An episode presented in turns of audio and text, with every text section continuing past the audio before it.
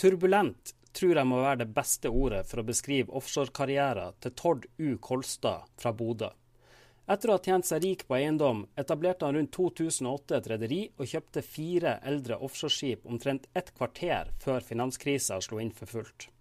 Nesten ti år etter er to av skipene solgt, etter konkurs, og til sammen har 45-åringen tapt rundt 50 millioner kroner på satsinga. Før du får høre historien hans, vil jeg oppfordre deg til å dele denne podkasten med tanta di fra Bodø, kollegaene dine som bare liker båter, eller naboen din som rett og slett setter pris på ei god historie. Dette er episode 16 av Sysla Shipping. Mitt navn er Gerhard Flåten. God fornøyelse. Tord Kolstad, Nord Supply Offshore. Hva er status for dette rederiet i dag? Status for Nord Supply Offshore i dag er at vi nå har bare én båt igjen. Vi begynte med én båt, og det er den vi har igjen. Men på det meste så hadde vi fire supplyskip. Og den båten vi har igjen i dag, det er Crusader, som går i kontrakt for Kystverket på statlig slepebåtberedskap. Det er en ankerhåndteringsbåt. Det er vel en god kontrakt å ha, tipper jeg? Eh, sånn som så det er blitt i offshore, så er enhver kontrakt god å ha. Og eh, også for oss, ja. Det høres riktig ut. Du, du havna inni offshore service-sektoren på en litt uh, utradisjonell måte. Jeg tror vi må kalle det en utradisjonell reder. Er du enig i det?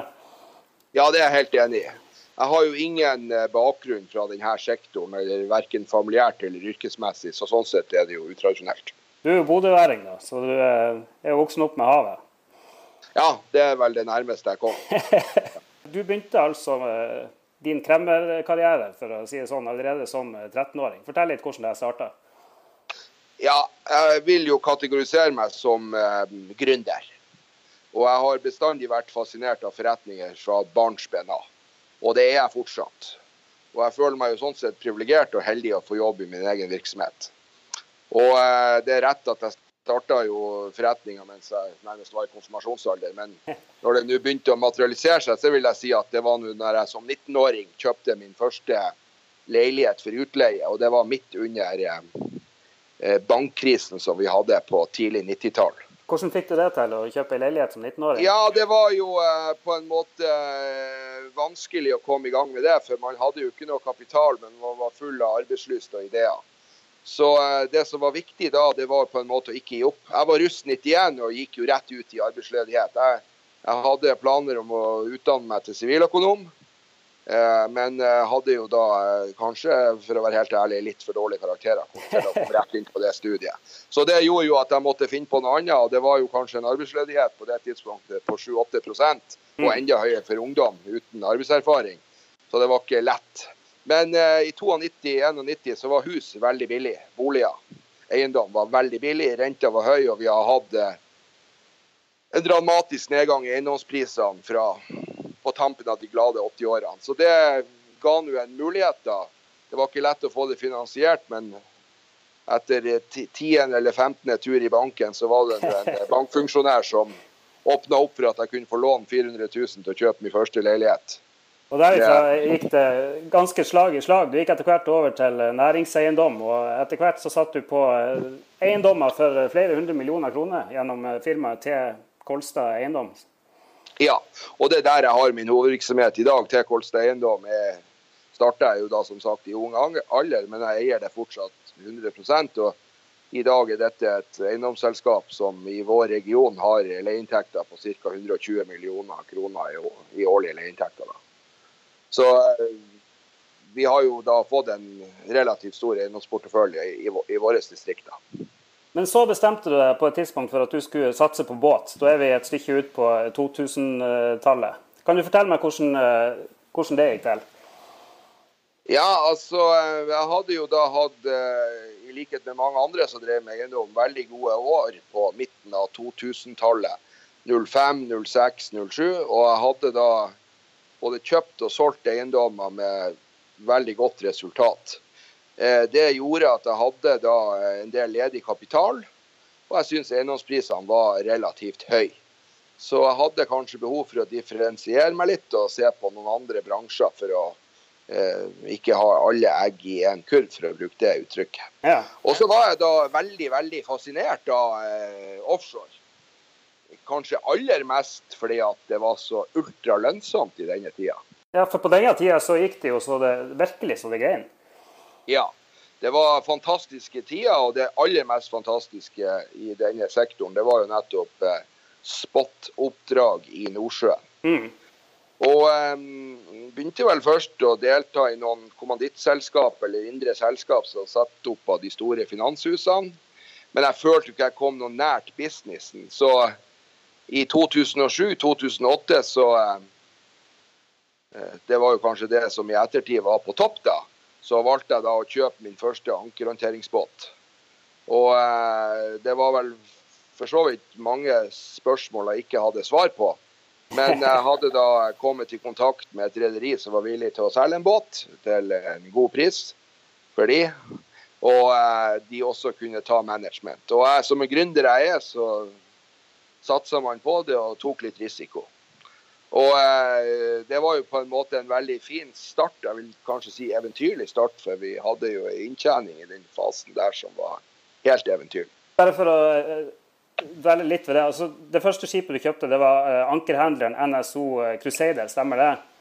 Det stemmer. Og det var, Prisen på den var da 19 millioner dollar i juli 2008, ifølge her. Ja, det er korrekt. Og så når jeg ser på, De har jo estimater på prisutviklinga på den båten så ser jeg at eh, kurven på prisutviklinga på akkurat den båten pika måneden etter, i august 2008. Da eh, mener de at den var verdt 24 millioner dollar. Mm. Så der traff du jo toppen eh, rimelig perfekt. Ja, altså det var et eventyrlig marked helt inn i 2009.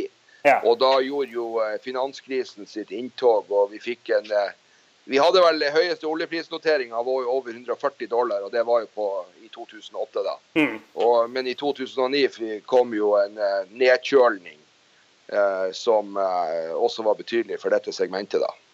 Men for å ta, altså Du kjøpte ikke bare NSO Crusader, du satt til slutt med fire båter. Du kjøpte noen PSV også. NSO Fortune også for 19 millioner dollar, mener jeg, i januar 2009. Kan det stemme? Nei, han var overtatt i 2008, den òg. Ja, nettopp. Og så hadde vi NS, korrekt, ja. NSO Champion fra Gulfmark. Er det riktig? Ja, det var enda seinere. Men jeg kjøpte uh, Spirit fra uh, Sartor ja. i 2009. Ja. Nettopp. Og det, prisen på den var 13,5 millioner eller noe sånt dollar? Ja. Med da, den hadde da seks måneders kontrakt med Statoil òg. Ja, nettopp. Til 200 000 norske kroner per dag. Såpass, ja. ja. Det er jo eventyrlig rart sammenligne med i dag. Ja, ja, ja. Eh, den um, Fortune gikk jo i månedsvis eh, til 295 000 i spot i Nordsjøen med Statoil. Ja. Så det var jo fantastisk start og fantastiske rater. og Eh, det var jo veldig høye priser jeg betalte for de skipene, men alternativet var å kontrahere båter som skulle leveres flere år frem i tid. Ja, for det her var relativt uh, gammel tonnasje. Dette er båter bygd rundt 1980, stemmer ikke det? Ja, 85 ca. Ja. Så allerede ja. da når du gikk inn i dette, så var jo de over, over 20 år gamle. Ja. Du har, du har ikke noen betenkeligheter rundt, rundt det? Jo, eh, det hadde jeg. Men jeg hadde behov for å få en eh, enkel inngang og ta del i det gode markedet. Mm. Eh, det var den strategien jeg hadde, og jeg tok den risikoen. Vi følte vel òg at båtene var dyre, men det var på en måte måten å komme inn ja. i markedet. Og så er det jo sånn at Som gründer jeg er, så hadde jo jeg en forretningsplan på dette. Så det at jeg hadde god tilgang på eksterne investorer som var med, jeg tok ca. 50% av kapitalen sjøl. Og jeg hadde god tilgang på både finansiering på skip fra banker, og jeg hadde også god tilgang på å få eksterne investorer med. Og det benytta jeg meg av. Ja, så at, eh, det var på en måte attraktiv investeringscase fra meg som satte opp. Ja. Mm. Måtte du låne mye for å kjøpe der, eller hadde du eh, mesteparten i egenkapital? Ja, altså jeg hadde jo betydelig egenkapitalinnsats, eh, men det var relativt kurant å få lånt 60-70% av de kjøpene. Ja. Det tidspunktet. Altså På det tidspunktet så booma dette markedet. Mm. Og Man skjønner jo ut fra skipsverdiene og uh, hvor mye båt det var at, at, det var rett og slett ikke særlig tilgang på, på båt i, i annenhåndsmarkedet. Og skulle man bygge, så var det en stund å vente. Helt korrekt. Alternativet var å kontrahere båter som ble levert om to, over to år. Ja, nettopp. Eh, også de var relativt høyt priser. Eh, og man så jo for seg at markedet ikke kunne være på det nivået som var. Eh, men likevel så, så man kanskje ikke for seg så, såpass hard nedsmeltning som det har vært. Fortell litt om det. Altså, hva så du for deg i 2008? Så du piler som gikk til himmels i uoverskuelig framtid, eller skjønte du at her, her, kommer det til å falle på et tidspunkt, men du ville på en måte ha med deg litt av toppen? I, i i det scenarioet som var der, så var faktum av at en PSV han gikk i Nordsjøen til 300, en mellomstor PSV til 300 000 norske kroner per døgn. Han kosta da ca. 60 000 å drive, altså operasjonskostnadene OPEX. Mm. Så det var 240 000 eh, kroner eh, per dag tilbake til finanselementet.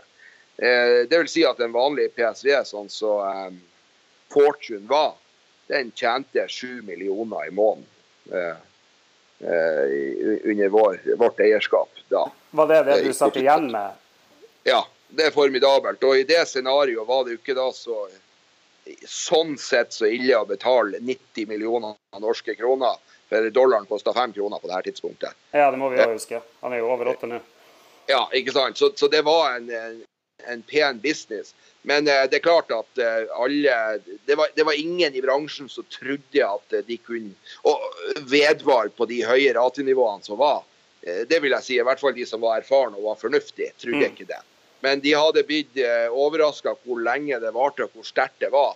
Sånn at um, det var nok en Noen trodde at det kunne bli enda sterkere, andre trodde at vi kunne få kraftige nedsmeltninger. Men i mine betraktninger så la jeg til grunn at vi kunne leve fint med et ratenivå som var godt under halvparten av det som var, altså 120 30 40 000 i dagsrater. Og likevel kanskje ha en utnyttelse som var bare 70% og likevel ha en sunn forretning. Mm. Eh, fordi at På det der tidspunktet så var det jo 100% utnyttelse òg i Nordsjøen.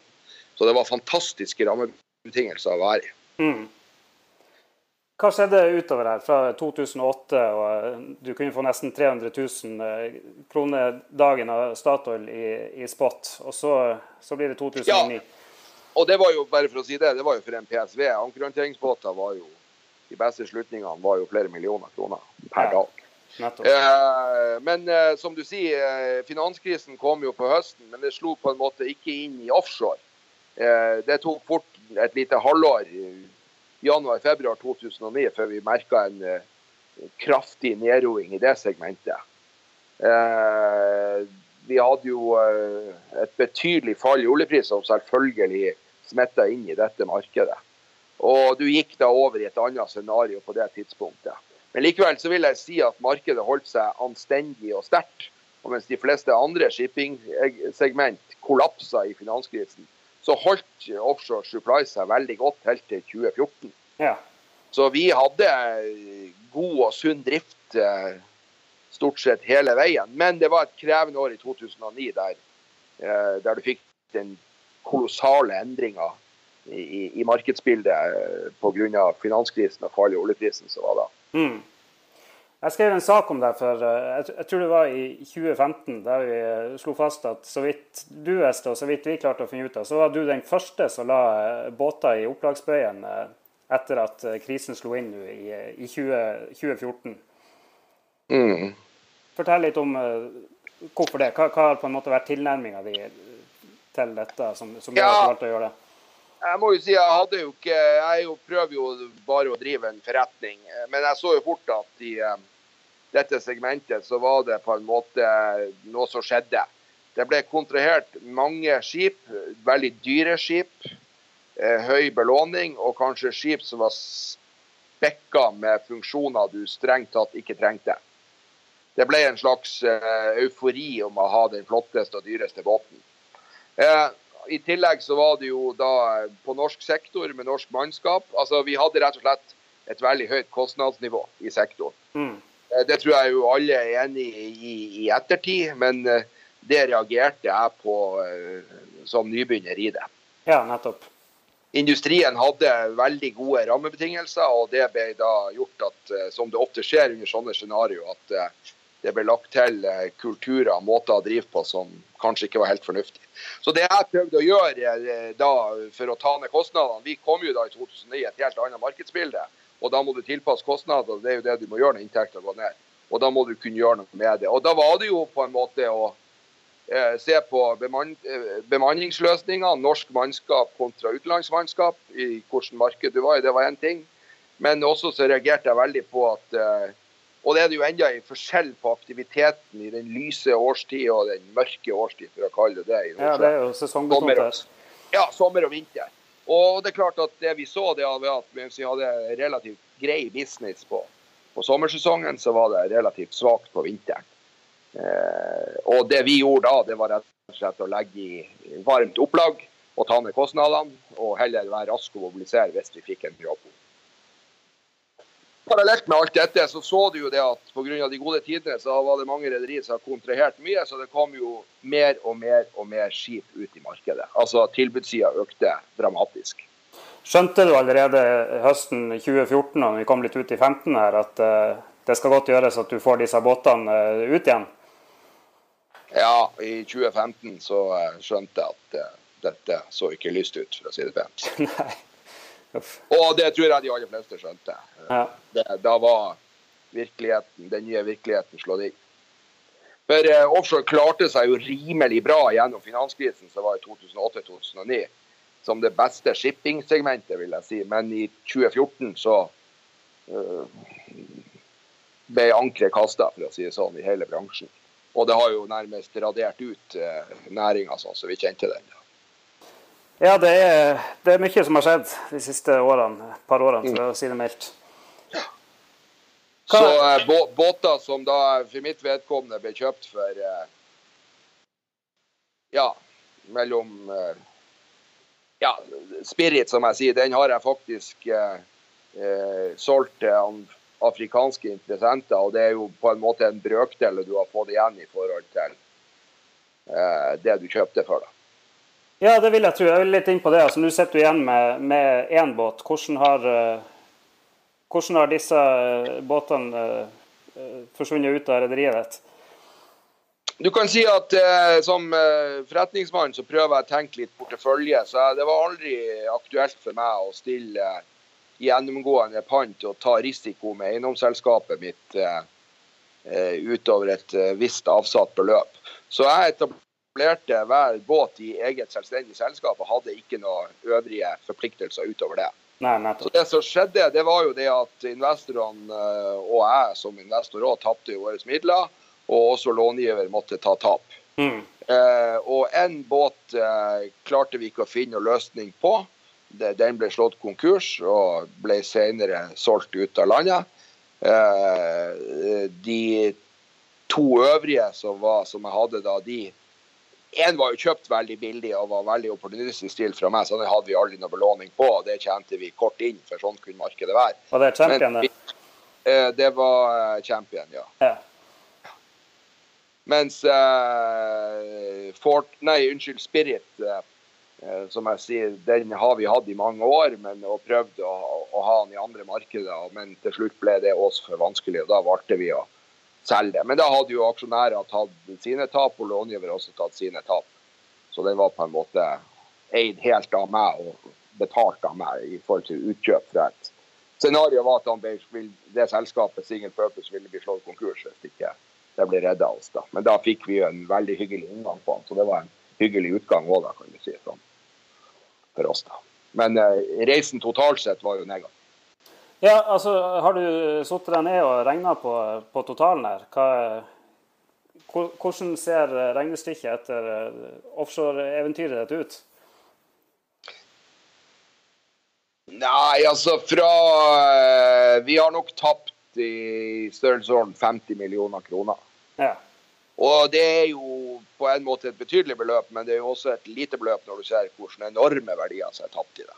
Men det har jo også med at uh, meg som nybegynner og gründer valgte en uh, en startløsning der jeg kjøpte eldre, gamle damer av Nordsjøstandard og treida i Nordsjøen og i andre farvann med dem. Så jeg hadde jo en relativt billig inngang i dette segmentet med min strategi. da. Mm. For det er klart at et, eh, et stor ankerhåndteringsbåt Vi kan jo snakke om skip som har verdier på mellom en halv og en milliard etter hvert. I hvert fall 600 millioner. Mm. Så jeg hadde en veldig billig måte å komme inn i det med eldre skip. Og det var det jo en del som kritiserte, men uh, det er jeg jo for så vidt glad i at jeg ikke investerte for mye. Og heller også hadde det uh, policyen at jeg ikke tok uh, eh, ubegrensa risiko gjennom å garantere det fra øvrige eiendeler jeg har, altså eiendomsselskaper. For jeg har jo, selv om jeg har da tapt litt på offshore, så har det jo vært veldig lærerikt. og hadde også hatt perioder vi har tjent litt. Og jeg har aldri satt mitt eh, eiendomskonsern under noe fare gjennom det jeg gjorde. Hva tenkte du om, eh, om eh, investeringa di i dag? Altså, var, det, var, det, verdt det, eller skulle du ønske du ikke hadde gått inn i dette?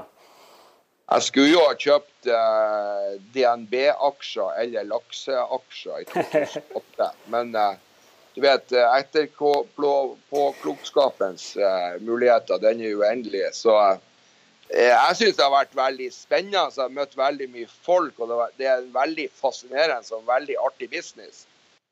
Så jeg vil si at jeg håper at eh, Og det tror jeg nok eh, skjer, at dette kommer tilbake igjen. Dette er en syklisk bransje. Og da vil jeg med den erfaringen og kunnskap og det jeg har bygd opp, også prøve å være med på det videre. Men akkurat i dag så ser det jo jeg klarer ikke å se med de, med de korte brillene på meg hva, hva tid det skjer, men, men uh, jeg har likt å jobbe med dette. Det må jeg rett og slett si. Ja, Du har jo penger på bok, så du, du vurderer å satse igjen, rett og slett? Ja, det gjør jeg. Vil du gjøre noe annerledes nå enn, eh, enn du gjorde i 2008? Jeg likte nok forretningsmodellen min med eh, skip på korte kontrakter i, i eh, det markedet. Men, men, det er jo selvfølgelig det mest risikoutsatte markedet. Eh, jeg har jo min sunne, fornuftige business knytta til eiendom, og da kan jeg ta litt mer risiko i dette segmentet. Mm. Og det likte jeg. Men som sagt, med de korte brillene på seg nå, så ser jeg ikke noe snarlig opptur i det. Men det er jo billige skip å få kjøpt.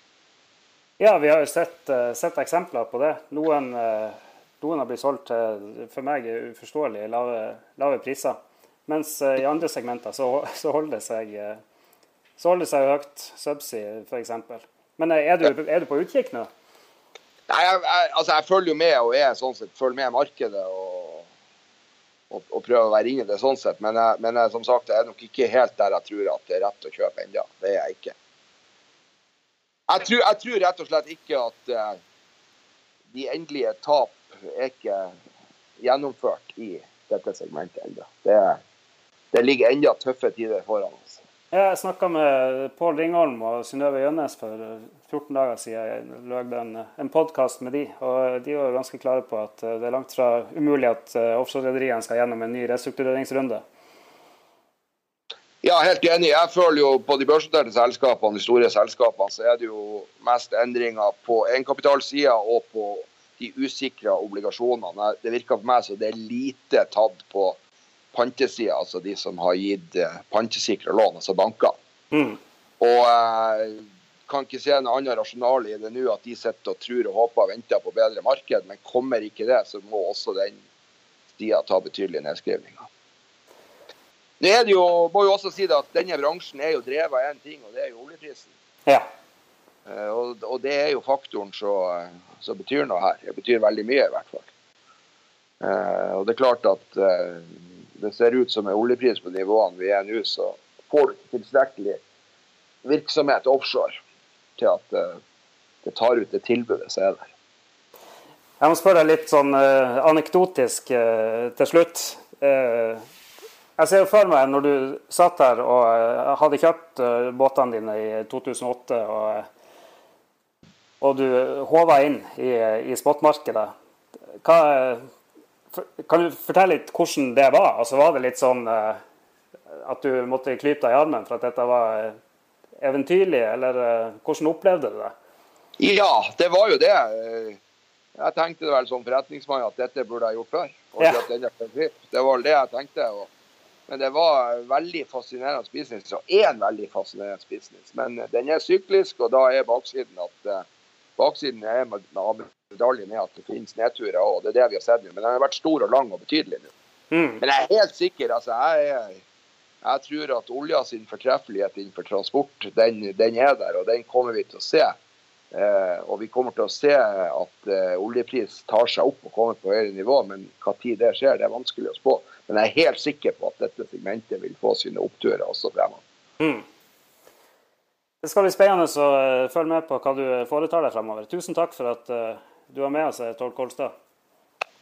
Selv takk, bare hyggelig.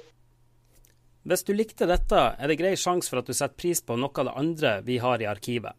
Ta en kikk på sysla.no, eller søk Sysla Shipping i podkastklienten din, så finner du det. Sysla-redaksjonen tilbyr også Oilcast, Laksekast og Podkraft, så her kan du høre podkaster til du blør ut ørene. Ris og ros setter vi pris på om du sender til redaksjonen at sysla.no, og så setter vi pris på om du vil ta deg tid til å gi oss en rating i iTunes. Riktig svar der er selvfølgelig fem stjerner. Tusen takk for at du hørte på. Vi høres!